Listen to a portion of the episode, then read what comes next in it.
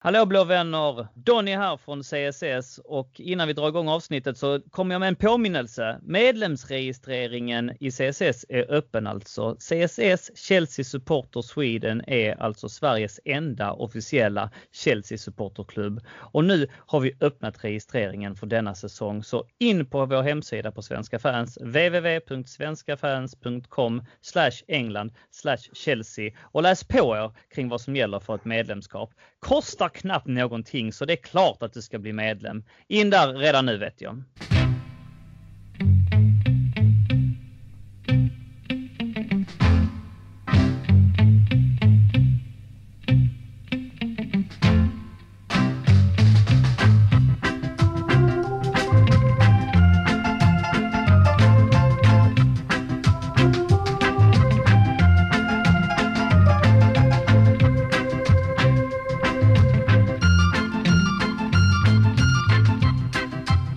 Hälsa er hjärtligt välkomna till ett nytt avsnitt av CSS-podden. Och, eh, mitt namn är William Sjögren och i vanlig ordning så har jag Kevin Stål, Stålberg med mig, men även Daniel Donny Joanno som är tillbaka i ett vanligt, reguljärt och hedligt avsnitt så här i inledningen av en ny vecka. Välkommen! Ja, tack så mycket! Och eh, brukar ju dra med lite olika här diffusa metaforer i början av dina avsnitt där du brukar spela in. Man har gjort allt från, eh, som du sa senast, ni får stil av din gulblåa strumpa i det svenska omklädningsrummet eller din kompass på det blåa Chelseahavet. Och ja, ja, då undrar man ju var du är idag. Ah, fy fasiken, och här har jag suttit hela dagen höll på att förbereda och så har jag missat den. Men som vanligt har jag ju dem alltid på uppstuds. Så det får ju bli din blågula mikrofon i detta härliga gästavsnitt. Ja, vad säger du om det Kevin? Är den godkänd? Alltså det är väl två getingar på den eller? Nej, den är inte den starkaste, jag vet, jag vet. Men så är det ibland men, alltså. Men på uppstuds så får jag ändå ge dig tre getingar. Det är helt okej. Ja, men de är alltid på uppstuds andra sidan, det vet ni. Absolut, ja. absolut, absolut. Men eh, hur är det annars då? Hur flyter liven på bra för er båda två? Om vi börjar med dig Kevin. Nej, men det, det rullar på. Det är väl skola som vanligt, fotboll i veckan och massa annat gött. Så att, nej, men jag klagar inte. Jag tycker det är kul när det är så sjukt tätt matchschema för både Chelsea och i övriga Premier League. Det är verkligen liksom, nu är man inne i den här perioden där det verkligen är så här, man älskar att sitta och titta fotboll liksom varje dag. Sen vet man att det kommer dö ut sen lite mot slutet. Men äh, just nu är man inne i ett stim där jag tycker allting är jävligt nice. Det kommer ju sånt tråkigt jävla landslagsuppehåll snart också. Efter ja, matchen trött. i helgen mot Crystal Palace. Ja, alltså riktigt trött. Men äh, vad ska man göra? Vi får väl se. Spelar Sverige landslagsuppehållet eller? Uh, oj, jag har faktiskt ingen aning, men det antar jag att de gör. Eller det, det, vet jag att de gör. De har väl bokat in en del. Det var väl lite Nations League och ett, någon träningsmatch har jag för mig. Mm. Då, är det väl, då är det väl ändå man kan glädjas åt att kolla på lite Dejan Kulusevski möjligen. Mm. Vad känner du kring det svenska landslaget då? Du, du, du har ju varit med förut en gång när det var landslagsuppehåll och då har jag för mig att du sa att, du, att det var bland de värsta perioderna i livet när det var mm. landslagsuppehåll.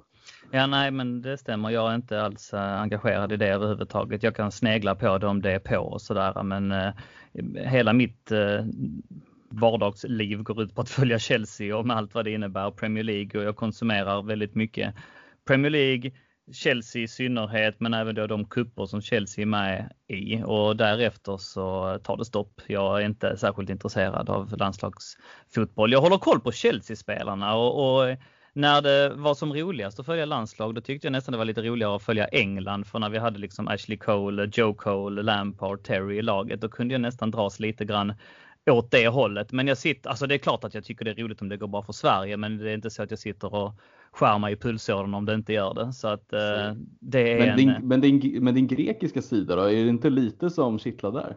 Jag var ju i Grekland 2004 och jobbade säsong i Grekland när eh, Grekland vann EM och då blev man ju väldigt medtagen och biten. Och så är det ju, är man på en match. Jag kan ju gå på Olympia och kolla HIF spela.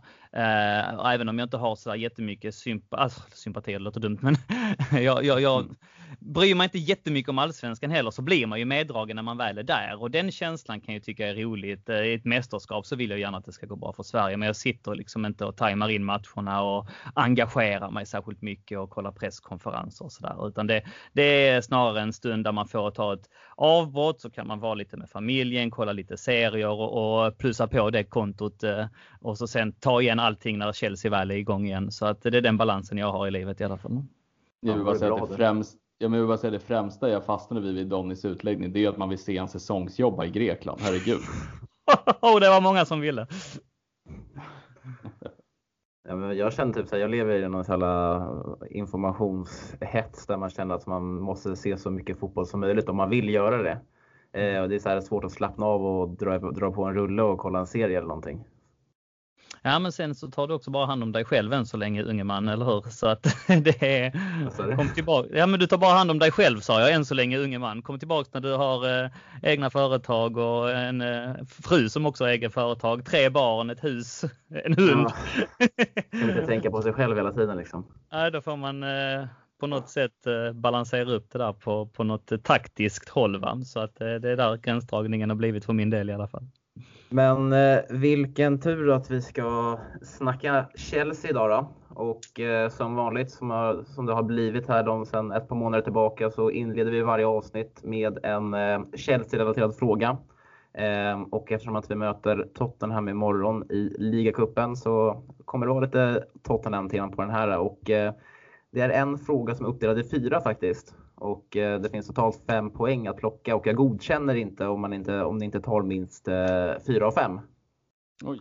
Eh, för vi spelade i final mot Tottenham 2015 i ligacupen. Mm. Och då är jag ute efter ett, Vad slutade matchen? Eh, målskyttar eller målskytt? Eh, vad det var för väder och hur många li ligacuptitlar totalt Chelsea har vunnit genom åren. Och eh, Oj då. det är eh, Mm. bara att köra. Vad sa Jag- du? Det var Jag, vet 2015. vad matchen blev och Det eh, vilka som gjorde mål för att jag var där. Ja. Men jag, men, får jag bara, okej, men jag som inte har varit där, då, vad, vill du ha? Resultat och målskyttar? Yes först. Eh, men okej, men Donny, om du vet, då får väl jag häfta för jag är inte Absolut. helt säker. Eh, jag, jag tror att det är den match jag tänker på om det blev 2-0. Det stämmer. Och då, måste, då var det ju John Terry Diego Costa. Det stämmer. Mm. Då tycker jag om du var där Don, då måste du för fan veta vilket väder det var. Mm, om det det jag försöker lokalisera lite grann. Jag har för mig att det var eh, alltså lite halvregnigt, att det låg lite regn i luften. Det var ju inte det, det bästa av förhållandena i alla fall, men det var inte heller så att det var liksom var full storm och snö och sådär. Det Nej, stämma? det var regn. Det var jag läste, jag läste, en, läste en artikel här, eh, här för någon timme sedan att John Terrys eh, first goal eh, came in the pouring rain. Då tänkte Mm, jag mm, mm. eh, att det fanns någonting. Och sen är det bara, då har ni ju tagit, eh, jag tänkte att målskyttarna det gav två poäng eftersom att det var två olika. Eh, Mm. Så då har ni ju fyra av fem så ni är godkända. Men hur många ligacuptitlar har Chelsea totalt vunnit? Oh. Donny, har du någon gissning eller ska vi slå ihop våra hjärnor? Alltså ligacupen, den är, eh, den är klurig. Eh, fem? Mm, jag skulle också, s- s- ja, sex säger jag bara för att ha en över i sådana fall. Ja, ja men rätt svar är fem. Ah, fan. Ehm, men eh, det är 1965, 98, 05, 07 och 2015 då mot Tottenham här senast. Just det. Ja men fan ni skötte det skitbra det här ju. Kanske var Ja, lite det lätt. sista var lite vet av en inte. chansning. Men... Det är Framförallt. Ja, jävligt ja. flax också att Donny var där med väl. Ja, det jag ingen aning om. Så då blev det så här, äh, lite fel. Ja.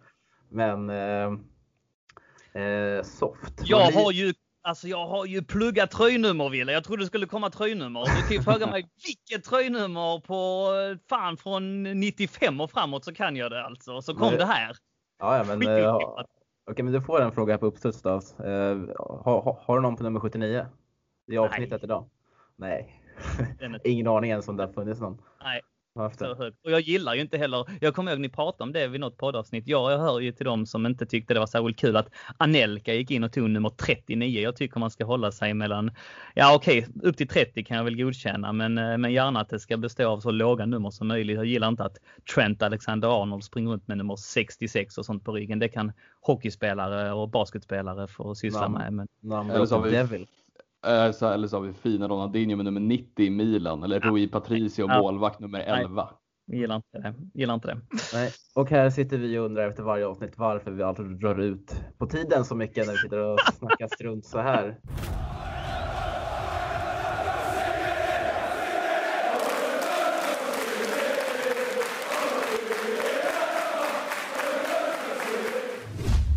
Så att jag tycker att vi ändå direkt eh, kastas in i matchen här mot West Bromwich som var i helgen och jag skulle väl tippa att eh, samtliga som lyssnar på det här såg den matchen. Och eh, jag vill och behöver väl egentligen inte påminna, påminna er om den eh, första halvleken men den var ju rent ut sagt parodiskt att man släpper in tre mål inom loppet av 23 minuter mot en nykomling och tillika argumenterbart ligans sämsta lag va? Eller vad säger du Kevin?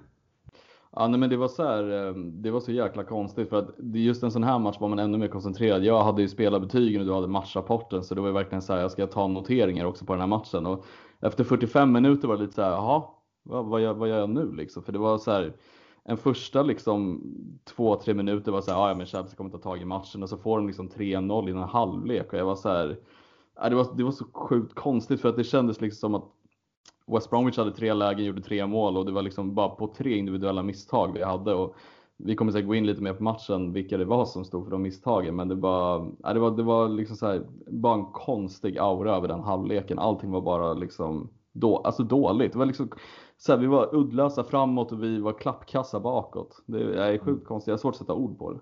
Ja, jag hade ju matchrapporten där som du sa på Svenska fans och jag hade ju redan så vinkeln klar för mig i halvtid. För jag trodde verkligen inte att Chelsea skulle vända på det där. Men eh, det lyckades man göra till slut och eh, Donny, hade du något hopp där när eh, Bartley satte in 3-0 att fan Chelsea kommer lösa det här ändå? ja, jag hade faktiskt det. Jag har ju gått in med den här, i den här säsongen med väldigt mycket råg i ryggen och med ett positivt tänk. Så att jag, jag tyckte, alltså till skillnad från många andra, både matchrapporter och eh, även Kevin Ståhlberg, eh, så, så, tyckte jag att vi spelade ganska bra i första halvlek. Jag, alltså, sett till statistiken så totaldominerade vi. Eh, det är klart att vi gör bort oss på tre situationer och det är klart att det blir jäkligt tramsigt att varje gång skylla på otur. Så att det är klart att det, alltså det finns stora utrymmen för förbättringar i detta laget.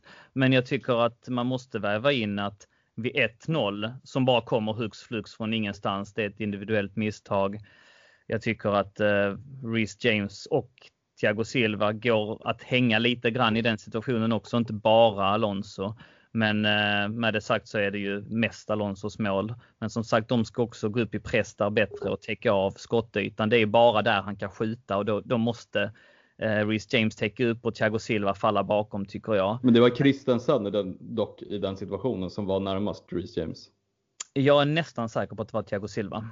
Nej, men jag, 100. Det är Christensen som var det. Thiago Silva spelar vänster mittback och det var Christensen som var höger mittback. Ja, men just där så är det Thiago Silva som går ut ändå. Jag kollade på det precis innan vi slängde oss okay. på den här podden. Så att eh, okej, okay, låt, jag vill inte dra igång det nu, men den som är där bakom. Jag, jag vågar nog ändå sätta mina pengar på att det var Thiago Silva. Ja, men nej, det är dåligt kollektivt försvar i alla fall. Men vid ställningen 1-0, det var det jag skulle komma fram till, så har ju Abraham ett läge som, alltså, man får inte missa det. Man, alltså, jag blir så trött på honom. Varför missar han det läget? Varför?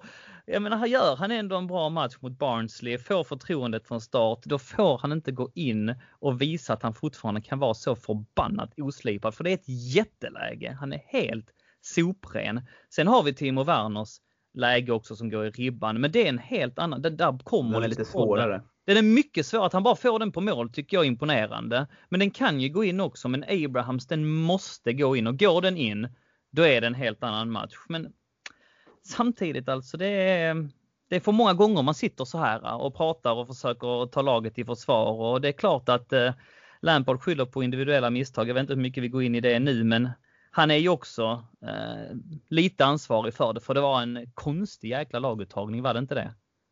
Jo, oh, alltså det är väl mest det jag liksom lägger ögonen på, att jag tycker liksom från första början att man sätter sig i den positionen att spela typ till exempel ta Werner. Jag har liksom försökt förespråka hundra gånger innan säsongen börjat. Jag tycker inte Werner ska spela till vänster och jag tycker han visar den här matchen också att han är inte bekväm i den positionen. Det är Kevin Bader som är Tysklands expert har sagt likadant att hans bästa position är ju med en anfallare bredvid sig eller som ensam striker, men vänsterkanten är lite sådär att spela på. Det tycker jag att man ser och likadant Alonso har ju inte, inte imponerat på något sätt i en fyrbackslinje tidigare. Ehm, Sätta kaptensbilden tycker jag också, enligt mig i alla fall, är konstigt. Att sätta på Thiago Silva i första matchen, det kanske vi går in på också.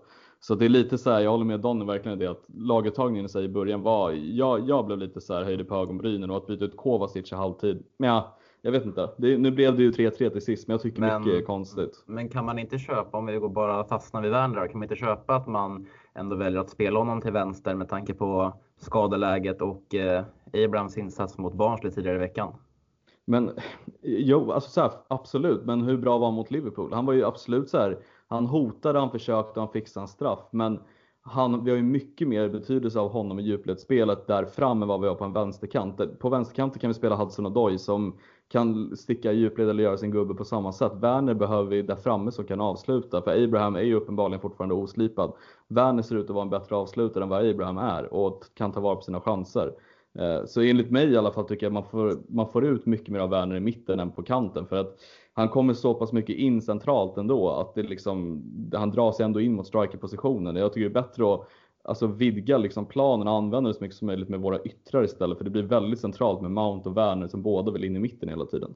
Ja, jag vet inte, alltså jag, har ju, jag är mer där på att, men, att Hudson eventuellt borde spela från start i den här matchen för att eh, i alla fall få en naturlig ytter i det här spelsystemet. Men samtidigt så vet jag fan hur mycket Werner hade hotat mot West Bromwich som ensam nia med tanke på att det inte är ett West Bromwich som kommer ställa ett högt, ett, ett högt försvarsspel och han kommer inte tillåtas löpa i djupled. Men jag tycker ändå att det fanns chanser där Werner stack i djupled flera gånger där jag tycker att han kom i alla fall förbi mittförsvararna.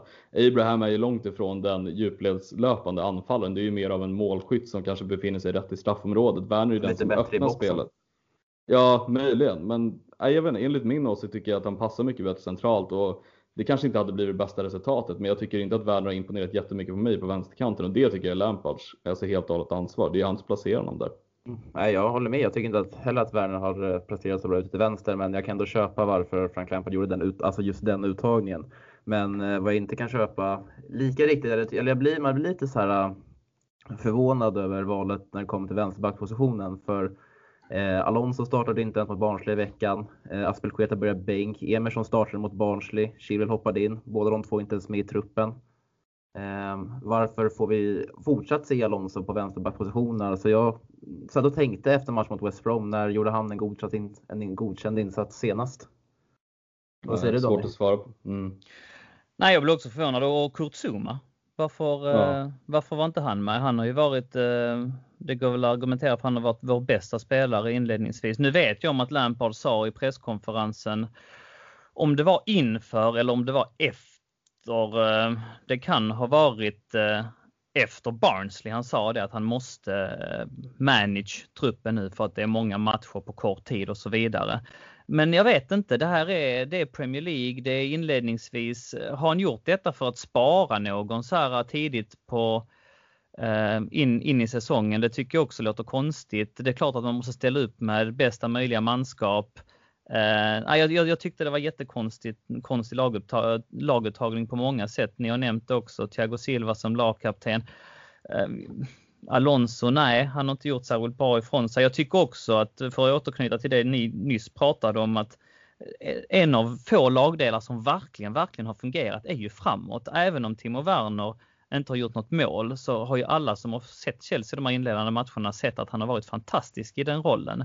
Att då liksom trycka ut honom på en kant bara för att tvunget få plats med eh, favoritspelaren Abraham. Det känns krystat ändå alltså. Jag tycker mm. att det, eh, att, det, Men, det, det, det, eh, blir konstigt och eh, ja, vad skulle du säga? Men har vi inte sett Werner framförallt figurera på vänsterkanten i de två inledande matcherna också mot Brighton och Liverpool, även fast han i startelvan har stått som en nummer, som en nummer nio? Jag har upplevt att han har varit anfallare i de matcherna på ett helt annat sätt än vad han var den här mm. matchen.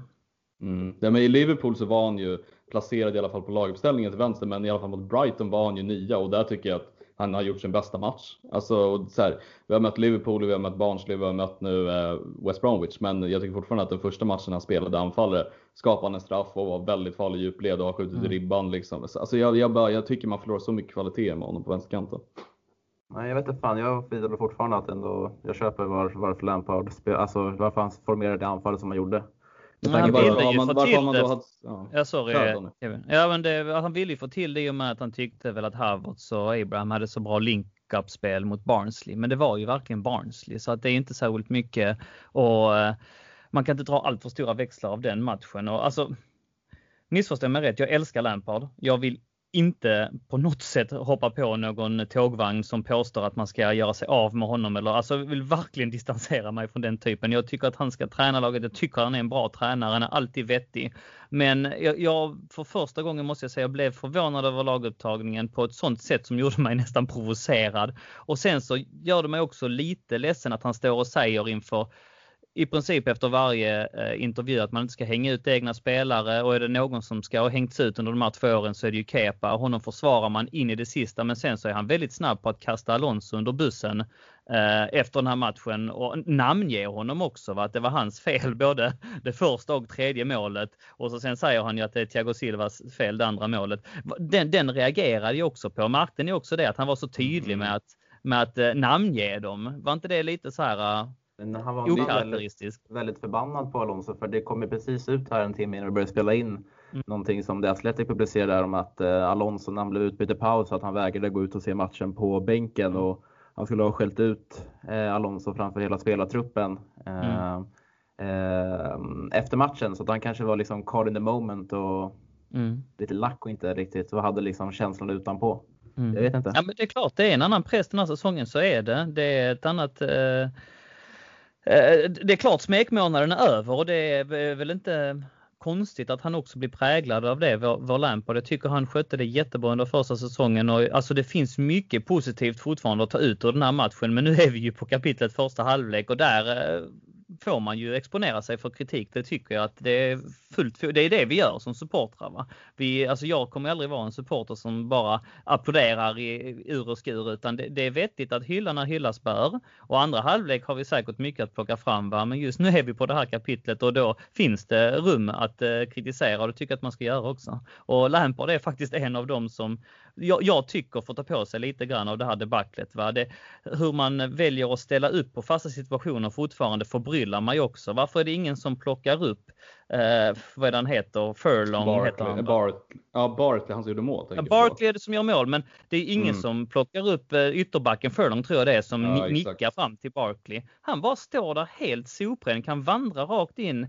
i straffområdet. Alltså vid ställning 2-0, kom igen killar, upp på tårna. Vi måste kunna alltså, försvara fasta vid det här, vid det här läget. Va? Det, det är många sådana problem som fortfarande, man kan sätta frågetecken liksom kring kring, kring den defensiva uppställningen, kring var man väljer att fokusera. Är det viktigast att fokusera på den defensiva lagne, lagdelen i termer om att passa sig ur varenda situation, att vi ska vara bra med fötterna? Eller är det liksom defensivens största fokus borde ju någonstans vara att faktiskt hålla tätt. Och nu är det, och jag läste någonstans att det här var är alltså att Chelsea har hållit en hållen nolla på de sista 29 bortamatcherna, vilket mm. är förbryllande dåligt. Och så kan det ju inte se ut om man ska vara med där och konkurrera i toppen, vilket jag ändå tror är ambitionen inför den här säsongen.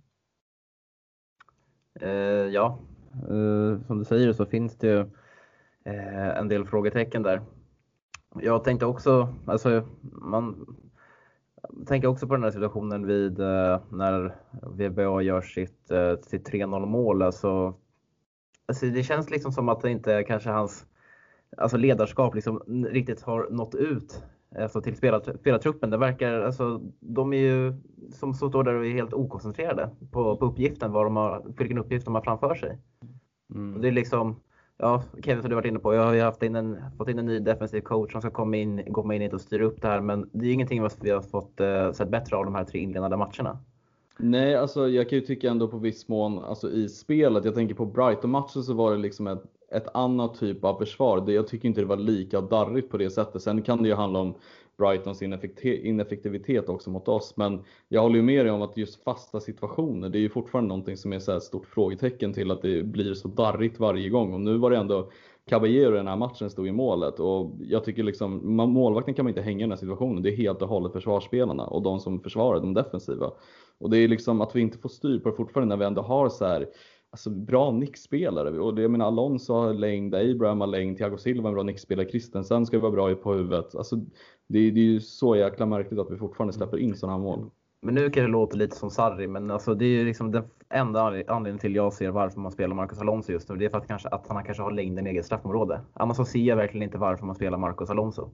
Nej, och det, det, det, kunde man ju förstå för det såg man Chelsea-Liverpool så markerade Alonso van Dijk vid varje fast situation. Och alltså där kan jag köpa det. Men vad gör han att spela mot West Brom? Alltså han har ju inte där förstår, han är ju inte en bättre ytterback än Cesar Spilicueta. Ser man inte det? Alltså det, det jag tycker det är jättemärkligt. Och på tal om defensiven, eh, Chelsea Barnsley, shit med chanser Barnsley hade. Alltså vi, vi vann den matchen med 6-0, men det var ju rätt så smickrande resultat. Hade det inte varit för att Caballero storspelade i den matchen så hade det inte blivit eh, 6-0. Men Sen samtidigt med allt detta sagt, det är ju jäkligt tidigt. Vi måste ju också väva in att vi har knappt haft någon försäsong. Vi spelade en träningsmatch. Eh, vi, vi ställde upp ett väldigt B-betonat lag mot Brighton där eh, halva eh, laguppställningen var skadad egentligen som borde gått rakt in.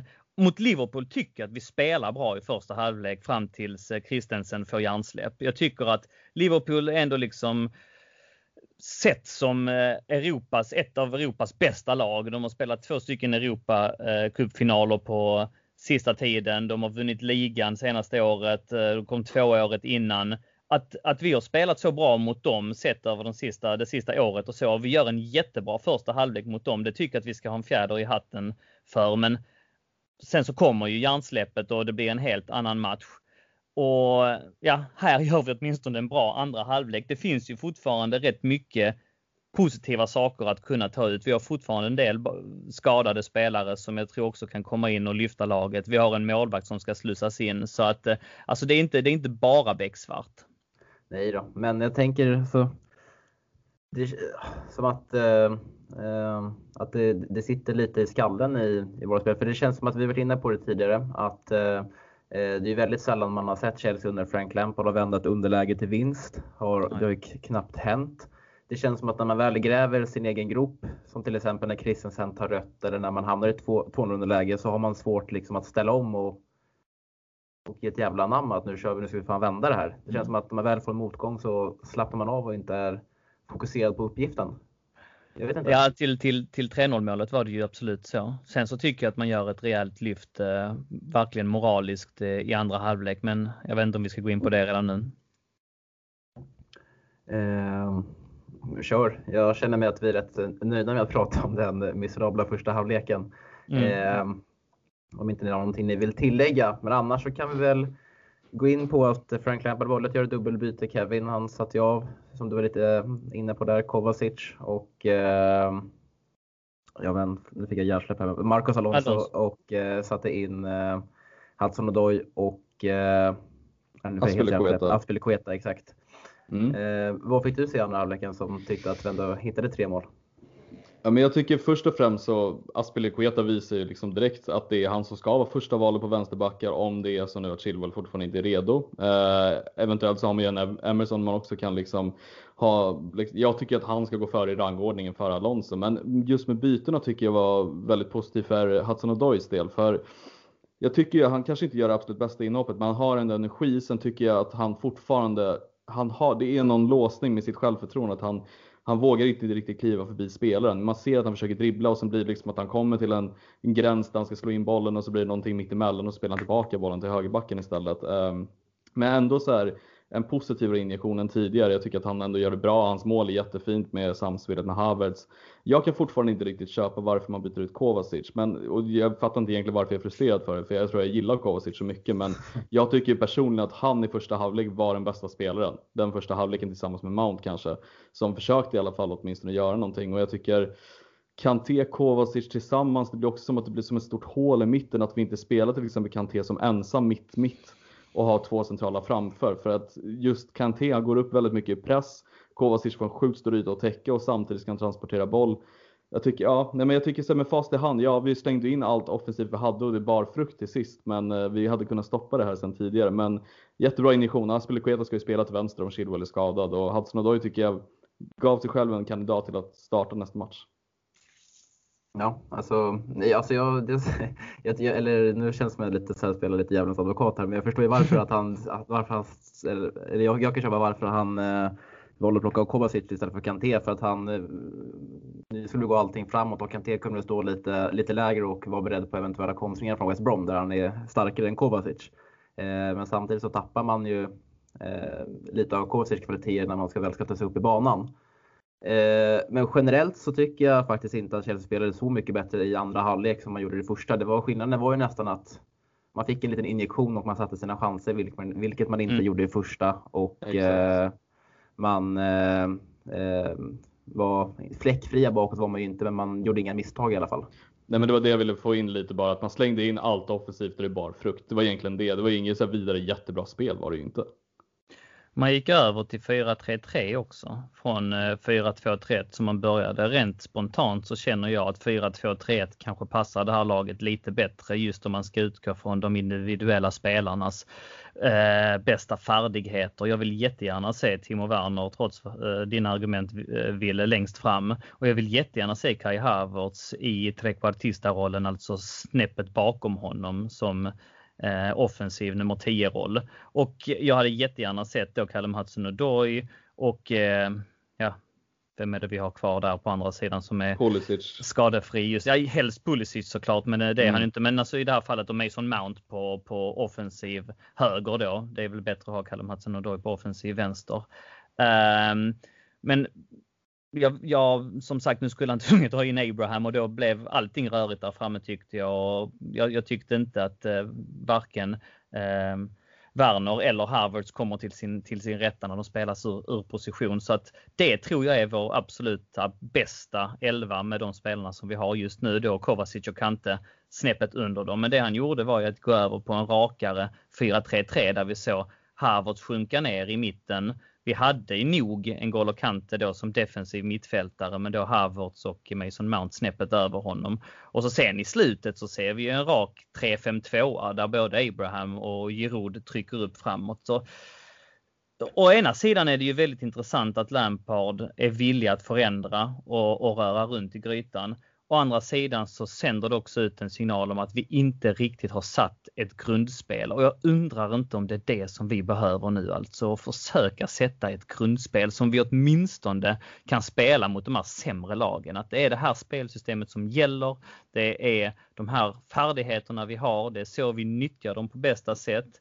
Vi eh, gått lite tillbaks till ritbordet där det handlar om att vi måste vara täppa till bakåt, flytta hela boxen och så vidare och, och ta det därifrån. Det blir väldigt hattigt nu när man fortsätter den här säsongen laborera med mittbackspar och med olika positioner och olika spelsystem. Och jag är inte säker på att det bara är till gagn alltså. Med det sagt så en, en förändring som jag ändå tyckte bar lite frukt här i andra halvlek och det förlösande 3-1 målet där Mason Mount som för övrigt gör en kanonmatch. Är det någon som ska hyllas i den här matchen så är det ju Mason Mount. Alltså han kämpar och sliter genom hela matchen, tar skottet och noterade ni hur han också liksom när bollen går i mål bara springer tillbaks och manar på dem att kom igen nu, eh, tillbaks med er, vi, vi kan vända på detta. Jag tycker det var jävla bra spirit mm. och liksom Chelsea-anda, en, en riktig glöd. Jag, jag gillar Mason Mount mer och mer.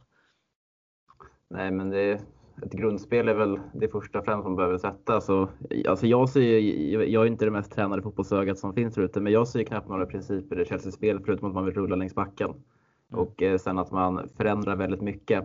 Eh, på tal om lite förändring, jag har ett sidospår som bara jag tänkte på när han gör det här bytet med Thiago Silva ut och Giroud in. Det är att i de första minuterna så mönstrar vi en fembackslinje med Aspelekueta, Christensen och James centralt och Hudson och Werner som wingbacks. Mm. Helt otroligt. Men det, det, det, är ju liksom, det var ju det man kände av liksom Lampard, att topplocket har gått, nu slänger vi in det offensiva vi har. Och det var ju liksom, så, ja det bar frukt till sist, men det är ju som ni är inne på att det är så här, vart, vad är vårt grundspel egentligen? Jag, kan ju, jag har ju svårt att förklara för liksom mina polare, vad är det Chelsea spelar för typ av fotboll? Ja, nej men rulla längs backen och utnyttja liksom de individuella kvaliteter. Men det är ju inte så att man kan säga att det är tiki-taka, det är gegenpress eller det är något sånt. Det är, det är nog liksom så här possession-baserad fotboll som, som går ut på att man ska ha mycket spelare som utmanar på kanterna. Men det, det, är, liksom, det är svårt också att sätta vad det är Lampard vill få ut av det här laget i spelsättet. Ja, det är väl så här, vara energisk. Ledande ja. ordet. Ja men, typ, ja, men det är ett hopplock av lite många olika grejer just nu och det är inte som sagt, det, det har sina för och nackdelar. Men alltså återigen på pluskontot så är det ju faktiskt första gången sedan 2011 ett lag i Premier League som legat under med 3-0 inte förlorar. Och att det ändå kommer starkt. Det hade ju varit jäkligt mycket värre och ledigt med 3-0 och släppt in West Bromwich och alltså kommit upp till 3-3 så att man avslutar ju ändå på något sätt. Jag säger, man sitter ju där i paus och säger kan vi få ett oavgjort här så tar man ju det, eller hur? Ja, absolut. Ja, jag satt ju liksom, och som jag sa, jag satt ju liksom och förberedde liksom döds, dödsstöten liksom i min vinkel mm. på matchrapporten Svenska fans. Och sen fick man ju hastigt ändra där sen. Den, den, var, ju, den var ju kvar tills Abraham sätter 3-3 där i, i slutet. Mm. Och jag kan så här, ja, det var ju inte lätt att sätta spelarbetyg i den här matchen kan jag säga också. Nej, det, är också det är en, en skev match och en skev match att bedöma. Man är, fort, man, är, man är besviken men man är ändå nöjd med att laget har tillsammans och ändå eh, lyckas hämta upp eh, från 0-3 till 3-3 och få med sig en poäng. Och, eh, jag får väl ta lite skit från det. Jag sa ju liksom att Chelsea, att spelarna inte, inte riktigt har skallen med sig för att de har svårt att eh, hämta sig när det går lite tyngre. Men eh, man lyckas ju ändå lösa det till slut. Men innan vi Avsluta diskussionen om matchen i lördag ska vi bara säga någonting om att eh, Thiago Silva ändå fick eh, bära binden i sin första match från start i Premier League. Ja, alltså jag tycker ju personligen att det, det för mig är det lite en konstig grej att göra. Jag förstår liksom Thiago Silva och hans storhet i ledaregenskaper och all rutin han har, men att kliva in från start i sin första match utan att kunna det engelska språket och kanske enbart kommunicera med eh, portugisisktalande eller spansktalande personer gör ju det hela aningen svårt för mig att acceptera. Jag tänker liksom, vi har ändå spelare från akademin som har spelat i klubben hela sitt liv. Vi har en N'Golo Kanté som har vunnit de flesta mästerskap som går att vinna kanske inte är den liksom högljuddaste, men han visar ändå på planen oftast vad för ledare han är. Därför tycker jag att det är konstigt att kliva in i det och det kanske satte ännu mer press på, på Thiago Silva också. Så att eh, för mig var det märkligt, för jag vet inte vad ni känner. Det var väl första gången, det var väl Pontus Kåmark som satt i studion där. Ehm, och eh, han eh, var också eh, oförstående varför Thiago Silva bar bindeln och inte världsmästaren N'Golo Kanté. Mm. Och det är väl lite så som jag känner, som jag summerar också. Jag tror att Silva liksom kommer bidra extremt mycket under säsongen med sina ledaregenskaper och eh, allt annat han kan tillföra med. Men det känns ju som ett hån mot övriga spelartruppen när han bara kliver in direkt och tar binden. Alltså, mm. Det är i alla fall min känsla. Så Nej, det skickas ut lite konstiga signaler. Jag håller med där. Alltså, tar man sådana här vågade beslut, jag har varit inne på det tidigare, eh, så måste de falla ut rätt. Och tyvärr så har Lampard funnit sig själv på fel sida av sådana beslut vid några tillfällen tidigare. Ehm, jag kommer ihåg när vi skulle försvara en ledning mot Sheffield United förra året och eh, han bytte in Billy Gilmore i slutet. Och det gick ju inte alls och vi släppte in en boll. Och det blir såna, när man gör sådana här, och han försvarade sen med ett rakt byte. Jag kommer ihåg att jag satt och tänkte där, snälla måtte detta gå vägen. Och på samma sätt när jag ser det här vågade, vilket det ändå är som ni säger, Kanté världsmästare. Varför har inte han? Han är ju tredje kapten också liksom. Ja, det är han är uttalad tredje ja. kapten och varför skulle inte han kunna, nej jag, jag begriper inte det, att han skulle liksom komma in där man, nej, det, det, skickas ut väldigt eh, konstiga signaler och det sätts också lite frågetecken kring Lampards. Är det bara tur eller är det fingertoppskänslan det som, som svajar lite grann? Eh, och dessutom så sätts det ju Thiago Silva under lupp, eh, under extrem lupp. Va? Jag har ju fått ett väldigt gott intryck av honom och har fortfarande inte så att det smolkar ner va, att han gjorde eh, ett misstag och inte hade sin bästa premiär. Jag tror fortfarande att han kommer att bli en bra värvning för oss. Jag tror fortfarande att det är en bra värvning. Men man exponerar sig, ju, sig ändå för, för kritik när man gör på, på det här sättet och i synnerhet då när det blir som det blir för att Thiago Silva, han, han gör ju bort sig vid, vid målet. Uh, och det är klart att uh, direkt är ju kritikerna där och säger att han kanske trots allt är för gammal. Han kanske trots allt inte har tempot för den här ligan. Han kanske trots allt har tappat snabbheten och så vidare och så vidare. Och det blir liksom en eh, något förstorat och något eh, onödig diskussion. Så nej, nej det, det är konstigt. Jag håller med om det. Kan det, vara eller det är såklart att det inte är så, men eh, jag fick ändå så lite känslan också när man såg att Thiago Silva där presenterades som lagkapten för Chelsea när elvan kom att, alltså kanske är helt ute och cyklar, men underkastas inte Frank Lampard lite Thiago Silva här?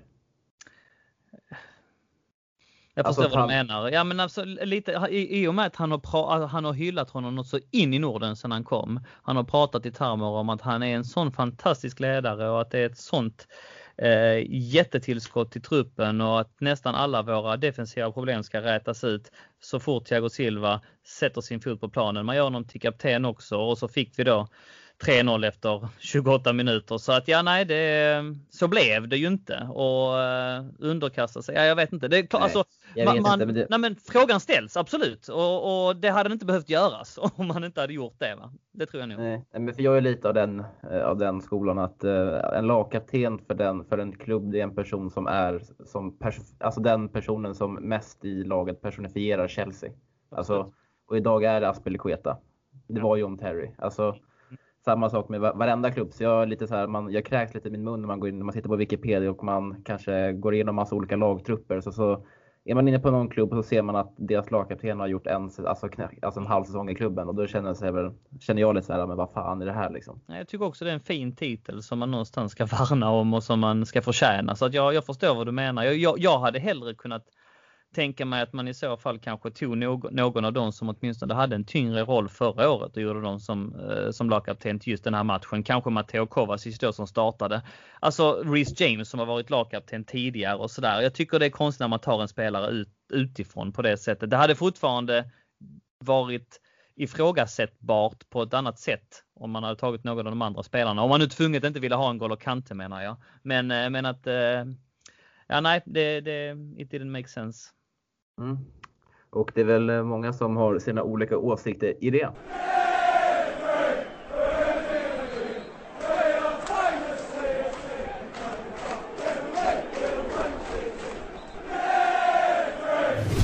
Förra veckan så testade vi ett nytt inslag här i CSS-podden. Eh, Chelsea är ju en av de klubbarna i världen som har flest spelare ute på lån runt om i Europa och eh, ja, övriga kontinenter på vår världskarta. Så vi tänker att vi ska svepa lite hur det gått för våran lånarmé och det är ju du som håller i det Kevin. Ja, det har väl blivit så illa så att det är jag, så jag får väl eh, ge ett nytt försök. Det verkar ju vara som att det var uppskattat senast, så att jag ger ett nytt försök. När saker och ting inte alls stämde för våra gubbar på The Halfton så fanns det desto fler Chelsea-ättlingar som hade det betydligt värre. Zappacosta och brödgänget Genoa reste sex timmar neråt längs kusten för att ta sig an pizzans hemmastad Neapel och som de fick åka hem med besvikelse. 6-0 i prutten efter bland annat ett mål och två assist från den Merten som Chelsea var intresserad av i januari. Zappacosta fick 5,5 i betyg och det fanns ingenting mer att hämta från den här matchen. Mer fanns det att hämta ifrån Bramall Lane där Sheffield United med Amperu från start i backlinjen tog sig an de otroligt roliga nykomlingarna Leeds. Desto mindre rolig var matchen och den blev än värre för Amperu och gänget när Leeds tog alla tre poäng efter att den ständigt utlånade före detta Chelsea-talangen Patrick Bamford nickat hem alla tre poäng på övertid för Leeds. Som ser stark ut och det känns som att nästa medlemsresa måste ju ske mot Leeds. Armando Brocha fortsätter att samla på sig minuter i A-lagsfotbollen och i senaste matchen mot Ajax blev det ytterligare 30 minuter in på kontot när hans Vitesse föll tappert mot det överlägsna Ajax med 2-1. I Turkiet så hittar vi Lewis Baker som fixade in sin första assistpoäng på kontot när denna assisterade till Benik Afobis 2-0 i Trabzonspors vinst mot Malatyaspor med 3-1. Har Baker, har Baker hittat rätt nu under Eddie Newtons ledning? Vi avslutar i, i eh, Belgien då Ike Ogbo som var en del av Jody Morris framgångsrika U23-lag spelar nu sin fotboll i Cercle Brygge som tog sig an rivalklubben och derbyfienden Klubb Brygge. Ingen större succé skedde när Cercle förlorade matchen med 2-1 och en intressant notis är att Kylian Hazard bildar anfallspar med Ugbo. Att avsluta ett svep med Hazard bör, bör ju bli en regelbunden sak tycker jag. Mm, tack för det Kevin. Och eh, jag antar att eh, du Donny fastnar främst vid att eh, Lewis Baker har gjort en assist nere i Turkiet. Ja, det är häftigt. Jag följer honom lite kan också säga. Jag hade, jag hade noterat det också. Um, hopp hoppet börjar väl rinna ut och eh, klockan således också. Men eh, ja, nej, skam den som ger sig och det är det sista som, som överger en. Jag hoppas det går bra för honom där borta. Med det sagt så ska det väl väldigt mycket till ifall Baker hittar sin väg in i, det, i, i Chelseas A-lag. Men ja, som sagt, man kan hoppas. All lycka till. Jag såg att du kablade ut en tweet från eh, vårt Twitterkonto, Chelsea Swe. Och, och, om ni inte följer det så är det bara att gå in på Twitter och följa oss där, Chelsea Swe alltså. Att du la ut någonting om Lewis Baker, att eh, är det hans år eller att vi fortfarande hoppas på honom? Mm, mm, mm. Jag, det var väl i samband med att han återförenades med, eh, med Eddie Newton där. Att, mm. se om detta kanske blir hans... Ja, det är ju inte, det är ju inte mycket som som pekar på som sagt att han blir den där storspelaren som man en gång kanske trodde att han skulle bli. Men med det sagt så har han ju fått starta lite grann nu efter en, två säsonger tror jag, fulla säsonger i, i, helt i kylan där han knappt fått gjort en match. Och, så eh, ja, som sagt, vi får hoppas på det bästa. Jag fastnade lite att, eh, ändå att Amanda Brosch ändå Eh, vissa spelar för Vitesse och borde vara en ordinarie startman där, men att han ändå får hoppa, hoppa in där och spela lite mot Ajax. Det är kul att han mm. får lite erfarenhet mot, eh, eh mot motstånd och lite högre dignitet, Kevin. Nej men verkligen. Och säga också att Vitesse har ju kanske inte den absolut bästa anfallsuppsättningen. Så jag tror ju absolut att han matchas in just nu i Vitesse. Och jag tror ju att eh, tanken är väl att han ska väl vara en av de här startspelarna på nummer 9 positionen. Och han, eh, vad jag läste om lite så rapporter från nederländska tidningar som jag översatte lite snabbt i Google Translate till svenska så ska han ha imponerat i alla fall i, eh, i början av säsongen. Och har ju stått för någon poäng och spelar mot Ajax är inte fy skam. 30 minuter in på kontot. Han är 18 år bara och har haft en match som vi var på plats på och såg. Chelsea-Everton där han fick spela några minuter så att eh, det är kul för honom. Mm. Eh, sen noterar vi också, eh, som du sa i ditt svep Kevin, att, att Ethan Lampardou får, får, fick spela 90 mot Leeds. Eh, och eh, vi hoppas väl att han får fortsätta göra det nu när, eh, för ligan är väl tillbaks här i, i nästa Premier League-omgång va? Ja precis, det stämmer. Eh, och jag säger också att Ifan Empoli, jag såg den matchen, jag tycker han var väldigt bra och liksom ändå så här spel med auktoritet och jag tycker han kändes lite som en ledare där bak. Och jag minns att han fick någon, något stenhårt skott i huvudet, låg ner lite och ställde sig upp direkt. Så att, eh, jag tycker ändå han, han krigade på rätt bra och det ska bli intressant att se hur mycket han får spela den här säsongen. För det är ändå så här, ett bra lag tror jag att få sin utveckling i just nu. Sheffield är ändå rätt roliga att titta på tycker jag eh, och jag tycker också att de spelar en fotboll som jag tror passar honom. Mm, det är väl att eh, Chris Weiler eh, organisatoriskt, han, det är lite också den, England, den hårda skolan i England. I England liksom. Och det han tror jag han behöver också. Nej, han blir bra slipad. Eh, var det någonting annat som du fastnade för Donny? I Nej, svep? men egentligen inte. Mer än att jag tycker att det är ett väldigt intressant inslag och att det jättegärna får fortsätta för att eh, ja, jag har inte så bra koll på alla de här som ni nämner här, Brocha och vad de heter. Men jag fortsätter gärna lyssna om dem och håller koll på dem på det sättet. Louis Baker har du koll på? Louis Baker har jag koll på. Honom gillar jag. uh, och han var ju en av dem som Chelsea skeppade på lån här för ett par veckor sedan till Turkiet som Kevin nämnde och Chelsea har ju en del spelare som är uppskrivna på hemsidan och fått ett tröjnummer Donny. Ja, det stämmer. Vi, vi förbereder ju ett moment här nu för att nu börjar det ju smygas in här. Det är ju sju dagar kvar på transferfönstret som stänger eh, nästa måndag då. Eh, vi spelar in detta på en måndag alltså. Och eh, det, alltså, det är klart att man vill ju gärna att det ska gå bra för alla och att alla ska ha fina utvecklingar. Men jag menar logiken sätter ju någonstans stopp för det. Och vad jag såg nu så på Chelseas trupp, om man utgår från vilka spelare som finns på hemsidan, så är det alltså 36 stycken spelare i A-truppen, vilket är ju fullkomligt ohållbart. Men då är det ju många där som inte har tröjnummer också, som ändå får ses som en fingervisning på vilken typ av prioritet man har så att säga. Och det är alltifrån Babaraman till Jake Clark Salter till Victor Moses, Bakayoko, Danny Drinkwater, Van Ginkel, Musonda och Lucas Piasson. Så där, nu sa jag allihopa. Eh, men av de 28 som är kvar då alltså, eh, som har blivit tilldelade tröjnummer är det väl sunt att anta att tre försvinner. Om, om då alltså alla utan tröjnummer också försvinner, vilket vi av de spelarna som du skrev upp på listan som ändå är de som är hetast, som det, eller som det ryktas om lite grann, så ingen av de här nämnd. Vi alla förutsätter väl att Babaraman försvinner och att Victor Moses också försvinner och, och så vidare. Men så det är väl av dem som jag kan säga att truppen bantas ner till en 24, eventuellt 25. Eh, för min del har jag dragit strecket vid 25. Mm. Och eh, som du sa där så har vi radat upp en del spelare som vi ska göra någonting som heter greppa eller skeppa släppa. Eh, och eh, det är precis som du säger där Donny att eh, Chelsea har en extremt bred trupp nu och eh, det har ju varit eh, väldigt uppenbart att eh, Chelsea kommer fokusera nu den här sista eh, veckan av transferfönstret att göra sig av med ett par stycken och eh, eventuellt kanske få in en liten Declan Rice Kevin för de pengarna.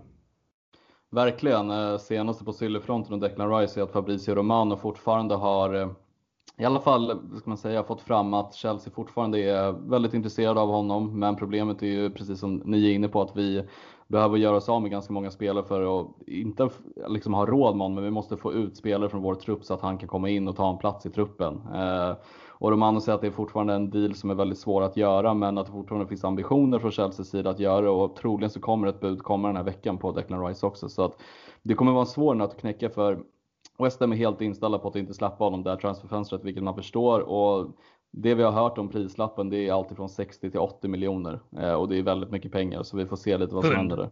Pund, precis. Mm. Ja, det känns som att vi har väldigt bra flyt nu. Det känns som att man sitter liksom på en centralredaktion liksom, så var är vi live från ena stället med lite rapporter där, live från det andra med lite mm. rapporter mm. därifrån. Det är kul, det är kul. Absolut. Men... Väl värt att bara liksom väva in i sammanhanget också är ju det som jag och Fredrik Pavlidis snackade här i en podd för två veckor sedan. Att det är ju inte bara att flytta spelare heller utan det är så mycket annat som ska spela roll. Va? Det är agenter, det är kontraktslängd, det är ålder på spelarna och, och så vidare. Vilka rykten, var det finns intressen. Va? Men om man får leka lite själv, det är ju det när man gör de här bedömningarna, så är det ju ändå så att vi har en vecka kvar truppen behöver bantas. All logik pekar på det. Va? Och vi kommer ju inte komma in med något Declan Rice bud om det inte är så att vi flyttar på några spelare så att de, de får flytta sig. Men det är lättare sagt än gjort för att just nu så, vi har Corona, vi har också rapporter från Fabrizio Romano och många andra korrar som säger att alla italienska lag i princip har väntat till den här sista veckan. Alla. På grund av Corona, på grund av att det är många som vill låna, på grund av att man även tror att den här desperationen som kanske då Chelsea har va, för att slussa ut spelare kommer någonstans kunna vara gynnsam för dem. Så att ja, det blir intressant att se. Eh, om en vecka vet vi ja, de här sista dagarna på transferfönstret, de är väl heliga för de italienska klubbarna. Eh, så att vi går direkt in i det då, grepp, in i det då greppa eller skeppa. Eh, om vi börjar med Fikayo Tomori. Kevin, vad säger du? Fick sitta på bänken här senast. Um, greppa, säger jag. Donny? Ja, jag tror också på greppa där. Jag tror också framförallt att Tomori eh, har ju uttryckt att han eh, kan tänka sig, eh, eller att han vill vara kvar och slåss om sin plats. Och har man den viljan så kan man ju också på ett annat sätt finna sig att vara fjärde val och försöka slå sig in i laget. Och jag tror att han kan passa i en, i en mer squad-roll. Mm. Squad -roll. Eh, Antonio Rydiger är någon som eh, Chelsea verkar skeppa. Tycker du att det är ett bra val Kevin? Eh, ja, absolut.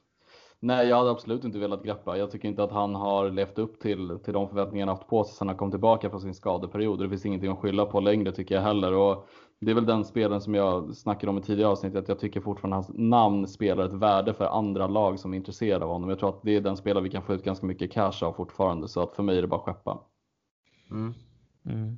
Jag, jag, jag, tror att Rudiger är en bra spelare i grunden. Med det sagt så håller jag faktiskt med Kevin i detta. Andra faktorer att väva in är ju att han är 27 år gammal.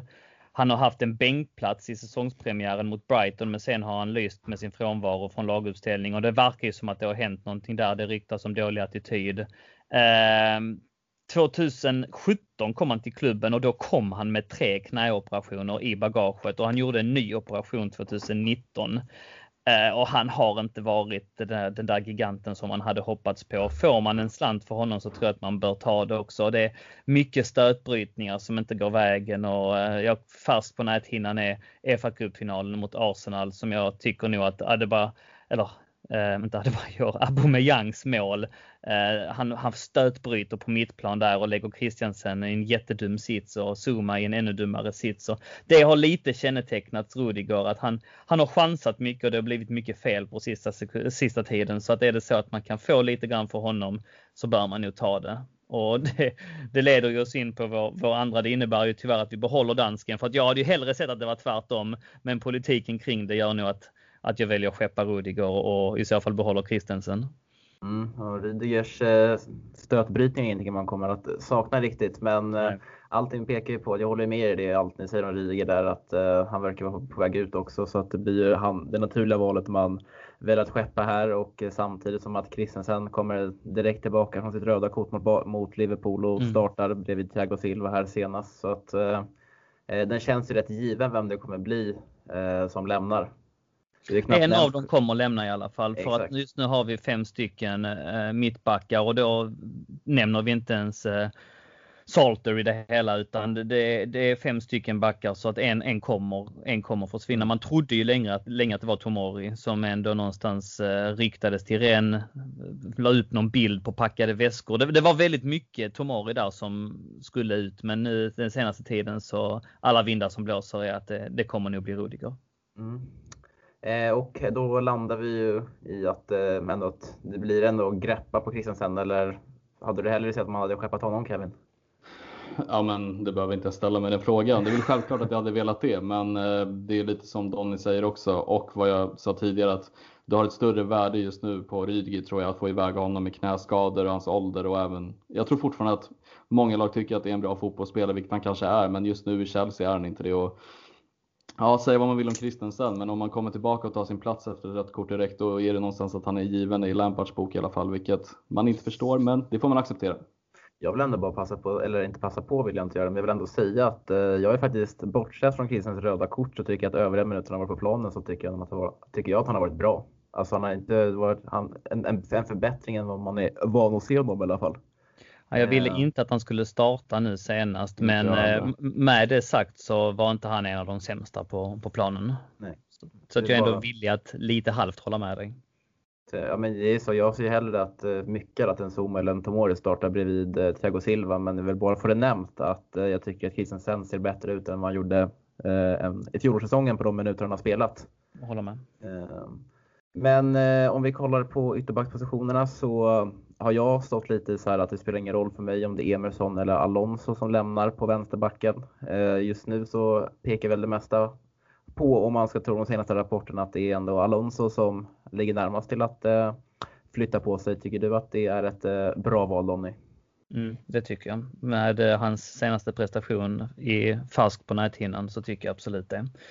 Sen så är det, håller jag med dig, det är lite hugget som stucket. En av dem ska bort, ingen av dem håller måttet. Eh, I min bok hade vi lika gärna kunnat skeppa båda, helt ärligt. Så att eh, alltså Aspilicueta hade kunnat eh, spela andra fiol där, men ja, han ska ju vara runt på högerback och så vidare också så att det är väl inte helt smart. Men eh, nej, hugget som stucket. Eh, med det sagt så var Alonso riktigt, riktigt, riktigt dålig nu i eh, lördags så, så att eh, ja, packa väskan. Håller du med Kevin? Absolut, jag tycker bara det är kul hur det kan vända från att man var så jäkla inställd på att nu kommer Emerson mm. lämna för Inter och så sitter vi här nu med Alonsos insats och känner liksom, nej men fan det är dags för Alonso att dra och där är jag verkligen helt med men det är bara kul hur det kan vända för att båda de är liksom, det är inte Chelsea-klass. Det stormar ändå lite kring Chelsea just nu med, lite internt ändå med Rydiger och Alonso. Det är kul, det behöver det här ja. laget. Fan, det har inte varit så mycket intriger tycker jag. Det har ändå varit frid och fröjd under Lampard. Det är kul att det liksom är lite dålig attityd på Rydiger. Då är det bara att packa väskorna likt Tomori och sticka. Mm. Det är lite som David Luiz i, eh, i sommaren förra året. Om man inte accepterar ja. får man gitta. Um, en extremt vattendelare bland supportrar är N'Golo Kanté, Donny. Ja, och där är det ju så att får man in ett vettigt bud, vilket jag inte tror man får, och om jag snackar vettigt bud som man ens får överväga måste ju vara i, i eh, 50 miljoners punds klassen. Men med det sagt så nej, nej, alltså jag, alla ben i kroppen stretar emot. Jag gillar honom så jäkla mycket. Jag, jag vill inte det och nu verkar det ju nästan som att han är skadefri också. Jag är så sugen på att se Kanté en eh, hel säsong skadefri och jag, jag, tror att vi behöver honom. Han är en världsklasspelare och man får göra rum i honom, för honom i det här laget. Det måste gå på något sätt så att eh, hoppas inte det kommer in något bud till honom så att man får det dilemmat på sitt bord. Nej, Lampard har ju eh, sagt att eh, Kanté är en viktig pjäs i hans framtida planer så jag tycker också, sen är ju en personlig favorit, man vill ju inte bli av med Kanté, men som vi har nämnt, känns som att man nämner det för femte avsnitt i rad, så är det ju liksom mm. att får man in ett bra bud och eh, så är det sista chansen känns det nästan som att eh, kunna casha in på honom. Mm. Men man vill ju inte bli av med Kanté och Kevin och du skiter väl fullständigt i om det kommer ett bra bud eller inte. Du vill ändå ha kvar Kanté.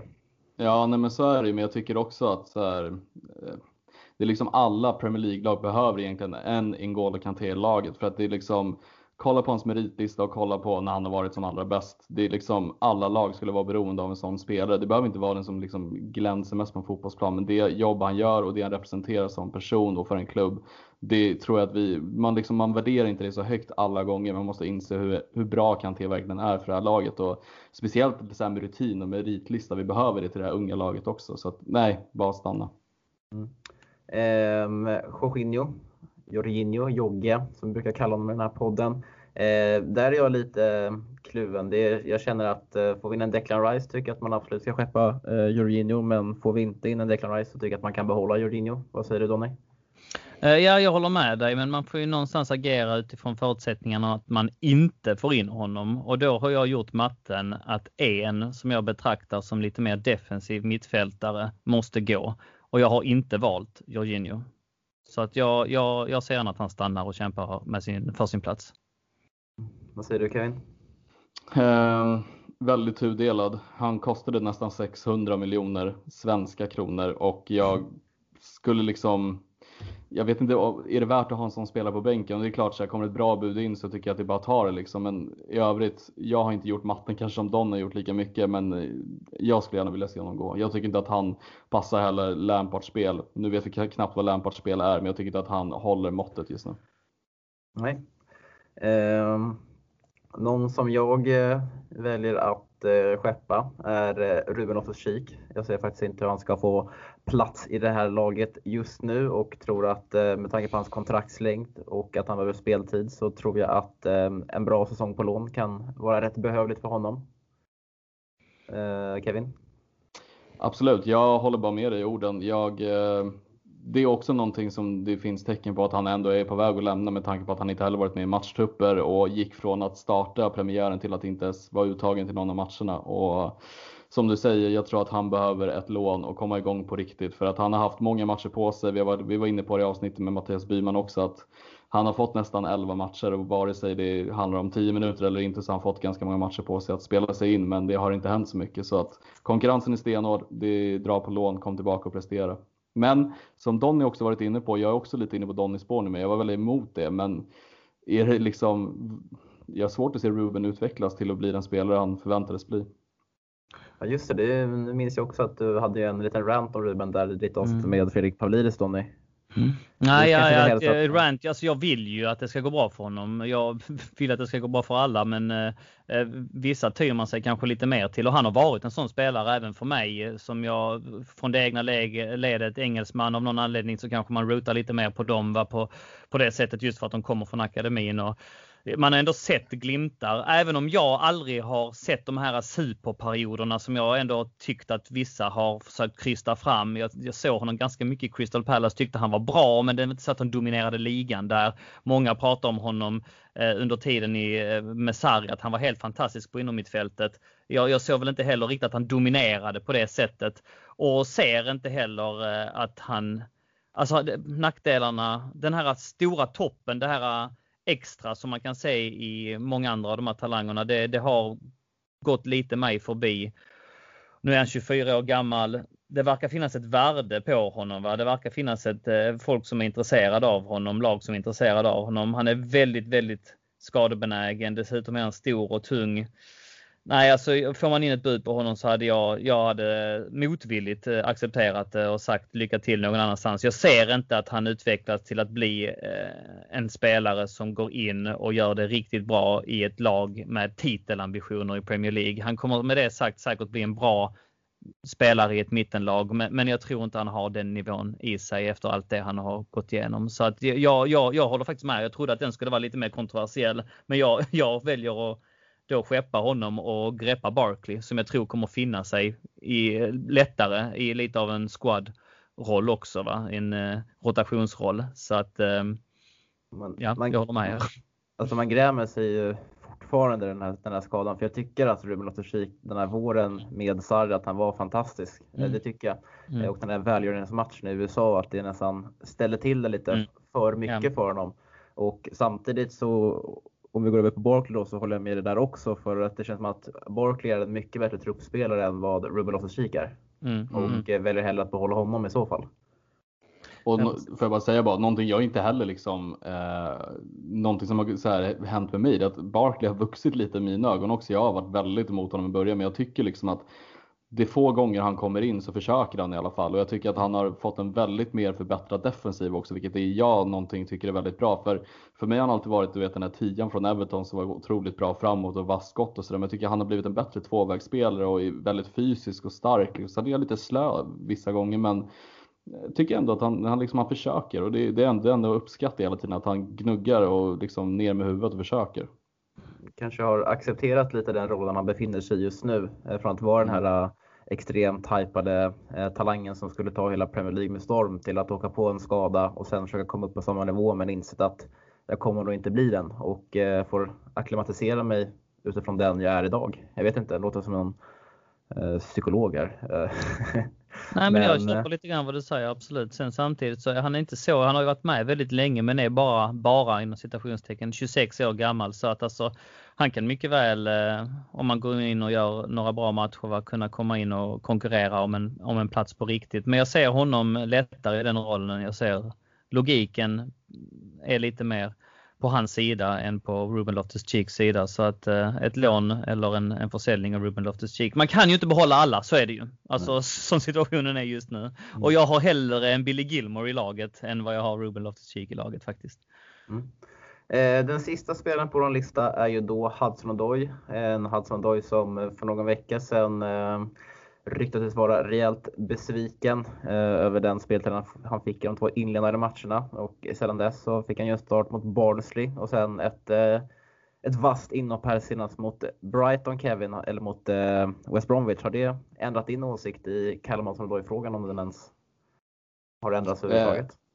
Nej, men jag har alltid vidhållit att jag tycker Hudson Odoi ska vara en truppspelare i Chelsea och vara med och konkurrera om ytterplatserna. Sen så handlar det mer om att han måste få styr på liksom människorna runt om honom sig och hur han är som individ också. För att det verkar vara väldigt mycket snack och hela tiden liksom rörelse så fort han inte får spela. Det gäller att prestera på planen också. Det tycker inte jag han har gjort alla gånger. Ehm, med det sagt så har han fortfarande en talang i sig och han kan nå höga höjder men då behöver han liksom få rätt person i sin omgivning och verkligen gnugga och komma in i laget. Ehm, Gör han sådana prestationer som han gjorde mot West Bromwich så finns det absolut en chans liksom att konkurrera med, med Ziyech och med Pulisic. Han har haft ett försprång nu i och med att de har varit skadade men inte tagit det tycker jag. Han, har inte varit, han var inte bra mot Barnsley, han hade ett okej inhopp mot West Bromwich. Så det gäller bara för honom att ta den chansen. Men fokus på planen och liksom skippa allting utanför känner jag. Men jag vill gärna ha honom för det är en ytterspelare vi behöver i laget när Pulisic och Ziyech är skadade. Ja, exakt, det är lite den ehm, det anser också att eh, vi är faktiskt extremt tunna på yttermittfältpositionerna när både Pulisic och Ziyech är borta. För det är ju bara Hassan som är den enda naturliga yttern bakom de två. Och eh, annars kommer det fortsätta bli som vi har sett här i inledningen av säsongen att vi har tvingats spela ändå en eh, Kai Havertz, en Mason Mount och en Timo Werner lite ur position om, inte, om Hassan skulle lämna. Mm. Nej, nej precis. Nej, jag vill också ha kvar honom. Eh, jag tror också han kan bidra speciellt till dem eh, under de förutsättningarna. Sen så tror jag ju att han jag håller helt med Kevin alltså, i, i, hans analys. Eh, han får nog finna sig att, att han kommer få kämpa, att han kommer få kriga för att jag håller nog både Pulisic och eh, Ziyech framför honom och är de skadefria så vill jag ha de två på varsin kant och Kai Havertz i mitten. Men med det sagt så Kai Havertz i mitten, Mason Mount på ena kanten och eh, ehm, Callum Hudson-Odoi på andra kanten funkar jättebra. Om man nu väljer att spela eh, 4-2-3 så att säga. Spelar han 4-3-3 så, så kan han också få plats på en kant. Va? Men, eh, men att det finns utrymme för att han ska vara där och, och få speltid och få minuter. Eh, och eh, att det finns tillfälle för honom att kunna ta den här chansen det tycker jag att det finns och det tycker jag att han borde göra. Sen så, ja, lite frågetecken kring attityden. Samtidigt, grabben är 19 år. Vi får inte glömma bort det. Han är bara 19 år. Han är alltså lika gammal som Billy Gilmore, eller ja, på pappret ett år eh, äldre. Men alltså 19 år, det är väldigt, väldigt ungt så att eh, kan han bara finna sig och, och, ha huvudet på rätt ställe så tror jag att han kan gå långt. Det är frågan där med ett litet frågetecken som, som sätts kring attityden. Mm. Um då har vi gått igenom de spelarna på vår lista och när vi summerar den här så, eh, så är vi väldigt, eh, väldigt överens. Vi alla var ju eniga om där att vi ska skeppa Rydiger, Alonso och eh, Ruben Loftus-Cheek. Och eh, det enda som var lite eh, Det var lite oskiljaktiga meningar med var ju Jorginho där Kevin tyckte att skulle skeppa medan jag och Donny ändå såg en funktion med honom kvar om inte Declan Rice skulle komma in. Så att eh, ja, vi är lite på samma sida här. Absolut, det, det var synnerligen synkade. Ja. och det var inte planerat i förhand. Nej. Du sa ju själv där att du var förväntad lite mothugg på, på Ruben. Men, ja, jag eh, gjorde ju det. Jag gjorde ju det. Men eh, så... Eh, Mattias är inte med så du kan vara lugn Donny. Men så kan det helt enkelt vara.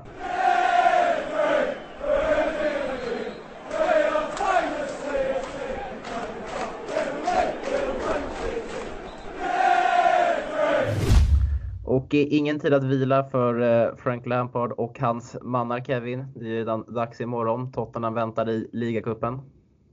Verkligen och det kittlar alltid lite extra när det är Spurs man möter också och speciellt nu med våra nyförvärv, i alla fall två av dem som kommer vara med i truppen. Det kommer vi kanske gå in på, eller kan jag knäcka den nöten redan nu? Kör hårt. Att Mendy och Chilwell är i truppen och det är ju någonting jag tycker känns extremt intressant. För jag undrar dels också vem det är som kommer vara andra målvakt den här matchen.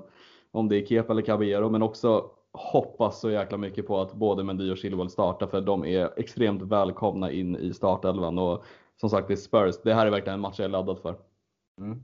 Eh, och det är ett Spurs som kom till den här matchen med ett, eh, ja, en liten eh, tre bleka insatser där för inledningen av säsongen. De har ju precis som Chelsea vunnit en eh, kryssat den och eh, förlorat den. Så Don, hur ska Chelsea vinna den här matchen?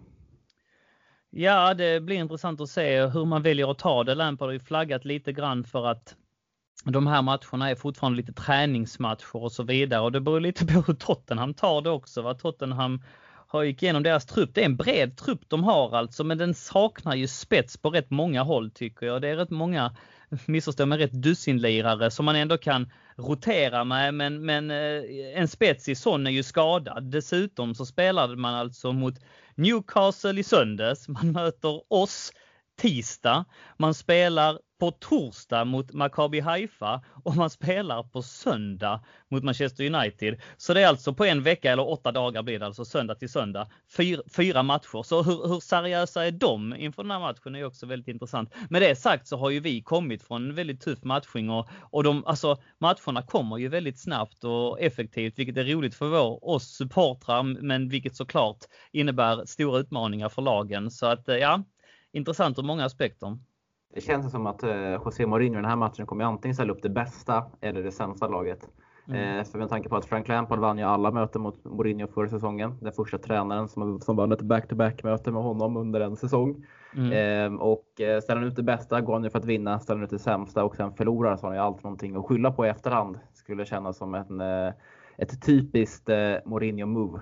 Absolut så är det. Ja. Med det sagt så spelade de ju väldigt bra mot Newcastle. De borde ju ha vunnit den matchen. Och hade det inte varit för en väldigt tokig eh, varhands i, i absoluta slutskedet så hade de ju eh, gått vidare där med en vinst också. Men visst, Mourinho är som Mourinho är. Lite stormigt är det alltid. Vad händer med Dele Alli? Sedan tidigare har han ju satt Danny Rose i frysboxen. Så att eh, ja, vi får väl se vad, vad han ställer upp med. Mm, det är helt ovisst att eh veta det just nu. Kevin, är det, känns det som att det ännu är ovisst att veta hur Chelsea ska ställa upp?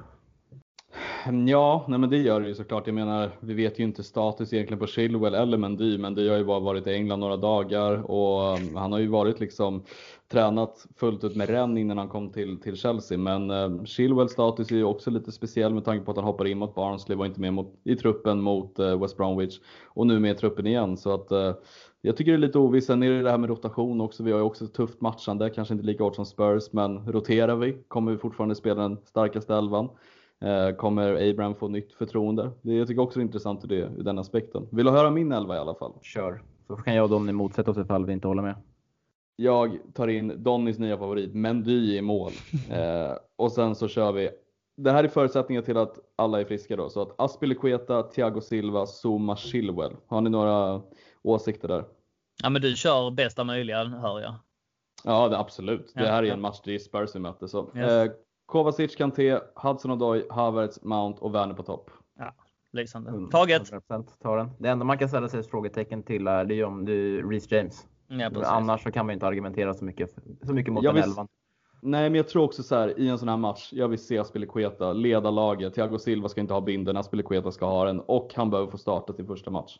Absolut, och inte nog med det så var Aspilicueta skitbra när han kom in mot West Brom ja. också i halvlek. Ni såg det klippet också va, när han styr upp eh, ja. det som cirkulerade på Twitter. Alltså vi behöver det. Nej, fan in med Aspi alltså, även om det blir på bekostnad av Reece James. Reece James kommer ändå få sina minuter. Han är framtiden. Ja, alltså jag älskar honom. Jag tycker om allt med honom. Alltså han är sån jäkla chef. Jag tror han går en lysande framtid till mötes. Men vi kan inte helt negligera Aspilicueta från det här bygget riktigt än alltså. Bra läge Nej. för honom att starta imorgon, absolut.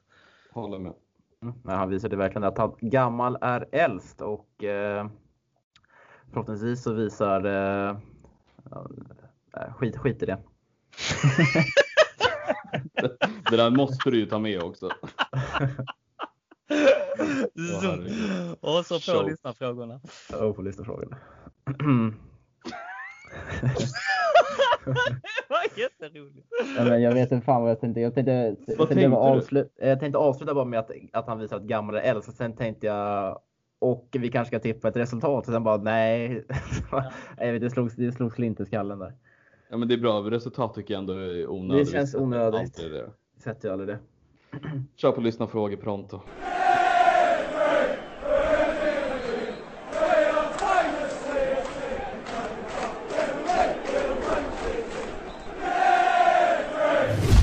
som vanligt så dundrar det in frågor i våran Facebookgrupp CSS-podden och är du inte med i den så är det hög till att bli det nu. Det är bara ett par knapptryck bort. Man går in på facebook.com, skriver CSS-podden i sökrutan och sen behöver man besvara en enkel fråga för att bli godkänd för att få gå med. Och eh, vi har ju spelat in ett väldigt nyttigt och eh, massigt avsnitt här och vi känner att vi har besvarat många av de frågor som har ställts. Så jag har valt ut tre stycken här som vi fastnade lite extra för. Och den första är från Anton Berg som undrar varför vi inte lirar Kanté som en sittande mittfältare framför backlinjen då alla vet att han är den bästa defensiva mittfältaren i världen.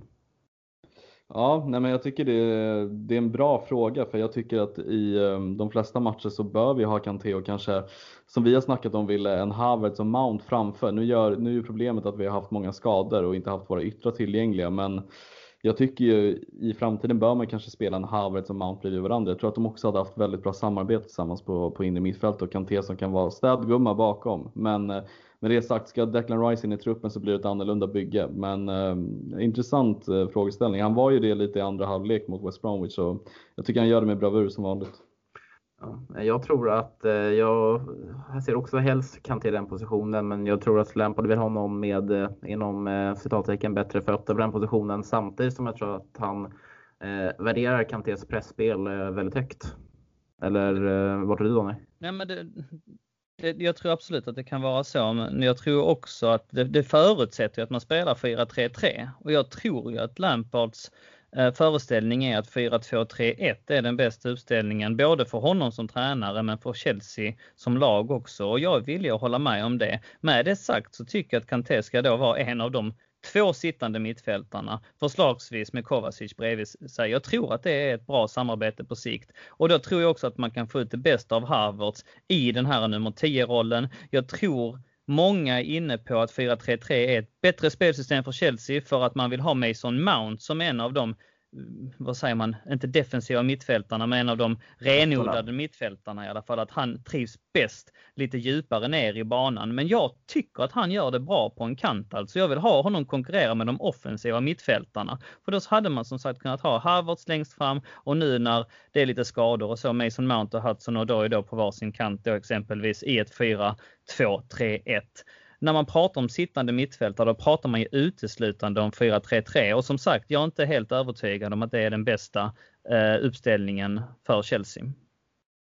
Mm. Eh, om vi kollar på nästa fråga här då som vi valt ut från Daniel Turesson och lite skämskudde, skämskudde på oss att vi inte har nämnt det än men eh, han skrev att det är skandal att inte ens ha Zuma på bänken och syftar då på matchen mot West Bromwich i lördags. Och, men nu nämnde eh, vi faktiskt det. Det nämnde vi lite. Ja, men vi gick inte in så eh, vi gick inte in på det. Nej, nej. Mm. Men det var det, absolut. Det var ju någonting som eh, chockerade mig Kevin, att inte ens han fanns med i truppen. Ja, men you and me both. Vi snackade lite om det, att det var ett stort frågetecken till varför han inte var uttagen i truppen och jag kunde inte tyda så jättemycket av korrespondenter, men även liksom Lampard himself var inte så liksom öppen med varför Zuma inte var med. Jag tror inte ens han fick frågan, men det, det jag tycker liksom Zuma bör ju starta de flesta matcher. Jag tycker att han, han tillsammans med Tomori, de ska konkurrera med, med Thiago Silva och jag vet inte, jag tror man kanske vilar honom inför Tottenham. Det är väl kanske därför han, han inte spelade alls eller var uttagen i truppen. Men det är som, som Lampard säger, han måste ju också på ett sätt rotera lite bland mittbacken det är väldigt tjockt där. De flesta anser väl att det är eh, Zuma som ska ta den där platsen eh, bredvid Thiago Silva, Donny? Ja, ja och jag tycker, jag tycker det var eh, Ja, det var, det var, det var jättekonstigt. Jag, jag begriper inte heller det riktigt varför han eh, fick stå över helt med tanke på att han började väl på bänken mot Barnsley också. Eller det, väl, det vet jag ju att han gjorde. Mm. Så att alltså, eh, jag vet om att Lampard sa på presskonferensen att han måste manage the situation, alltså att han måste ta de här matchandet i, i, i hänsyn och han måste liksom rotera spelare, alltså indikerade på det. Um, men eh, och det är väl det enda jag kan väva in där för att jag tycker han har varit vår bästa mittback och han var vår bästa mittback eh, post corona också när, eh, efter uppehållet där han gjorde några livsviktiga brytningar och har verkligen kommit in i riktigt bra form. Så att nej, jag förstår inte varför man sabbar det momentumet. Och som Kevin är inne på, jättekonstigt att det inte har ställts några frågor kring detta. Jag har ju varit inne där och på Twitter och ställt den frågan till eh, Oliver Harbord och Kinsella och allihopa och jag har inte fått något svar men av det som när de har bemött andra så har de sagt att nej den frågan har inte dykt upp. Men varför ställer ni inte den frågan? Den är ju där uppe för grabs. Så varför ställer man inte frågan kring Aspilicueta också varför han har fått spela så lite? För att det, det tycker jag också är väldigt intressant. Så att nej, Zuma borde spela och är det så att det är någon konstig eh, vilningstaktik att man gick in mot West Brom eh, för att passa på att lyfta spelare för att man trodde ändå att man skulle vinna för att det är lite underskattning i grunden. Ja, då är det fel match att göra det mot. Då kunde man gjort det. Alltså för det är fan så mycket viktigare att vinna en Premier League-match än att vinna mot Tottenham i ligacupens åttondelsfinal är det va till och med. Mm. Så att alltså kom igen, vem, vem, vem bryr sig om det? Så att nej, mycket konstigt. Dessutom så är det bara en match kvar, sen så är det landslagsuppehåll. Varenda jäkla ligamatch är viktig och Kurt Zuma ska vara självskriven i den laguppställningen. Mm, medhåll. Eh, eh, en sista här då från Joakim Olsson som är eh, lite mer rolig än eh, någonting annat. Eh, ponera att allt i vårt spel klaffar som det borde inom en snar framtid samtidigt som Eden Hazard ringer från Madrid och önskar att komma tillbaka. Skulle dagens Eden gå rakt in, gå rakt in i elvan då och vem skulle bli av med sin plats Kevin? Uh, bra, bra, bra fråga. Uh, ja, nej, men jag, för mig, nu ska inte jag vara sån, men jag är också så glorifierad av Hazard och jag kan tänka mig Lampard som har spelat med Hazard också, att få coacha honom måste ju också vara jävligt kul att se. Men ja, absolut, för mig är han skri själv, självklart skriven i startelvan då. Då skulle jag nog peta ut Ziyech, för jag har sett minst egentligen av honom i Chelsea. Jag har inte sett honom någonting och Pulisic har man ändå sett är jävligt duktig och har sina perioder. Så Pulisic på en kant, Hazard på en kant. Det hade varit fint. Mm. Ja, alltså för mig är Eden Hazard alltid välkommen tillbaka. Eh, det spelar ingen roll hur vår trupp ser ut. Eh, så tycker jag att det är någonting som man förtjänar efter sju år av eh, lojalitet Eh, en spelare som varit en förgrundsfigur också de här sju åren och varit väldigt delaktig i den framgång som eh, Chelsea har eh, skapat. Så det är inga konstigheter och eh, ja, för mig så petar han i dags. Alltså, det, det är roligt att han behöver inte ens peta dem för jag tycker ändå att vi eventuellt är lite svaga på våra ytterfältspositioner så det hade varit en bra spelare att få in egentligen. Och eh, banten lite mer centralt. Jag vet inte. Inget mer att tillägga. Ni har sagt allt. Men eh, vad bra då. Tänk att vi sätter punkt eh, för eh, veckans avsnitt där med eh, fina, fina Eden Hazard. Eh, om inte ni har något, någonting annat ni vill eh, tillägga eller påminna om. Kanske att man kan bli medlem i CSS nu Donny? Ja precis, vi började ju där så det får man ju jätte, jättegärna göra. Jag tror fortfarande att vi har en fantastisk eh, säsong att se fram emot. Vi måste sätta eh, ett grundspel. Det är Chelseas utmaning just nu. En ny målvakt är på väg in. Det är jag väldigt exalterad inför. Jag tror det kan bidra till bra stabilitet. Men att sätta ett spel, att sätta ett plan E, eh, äh, plan, plan E, en plan A så tokigt det kan bli. Och att spela de bästa spelarna på deras bästa positioner, det måste vara prioritet. Gör man det så tror jag faktiskt att det här kan bli en riktigt bra säsong och det är klart att man ska vara med på nära håll i så fall. In på Svenska fans och slutet medlemskap i CSS. Man får en riktigt fet gåva också för de där eh, tiorna höll jag på att säga. 175 tror jag vi tar för ett singelmedlemskap. En medlemstidning, eh, eh gemenskap och eh, mycket annat roligt. Så att det, det är klart man ska bli det. Mm. Vi börjar alltså där vi avslutar och utöver att gå in och besöka våra sidor på Svenska fans så kan jag uppmana alla att följa oss på Twitter och Instagram. Vi på Twitter heter Chelsea Swede och där vi på Instagram heter Chelsea Sweden official.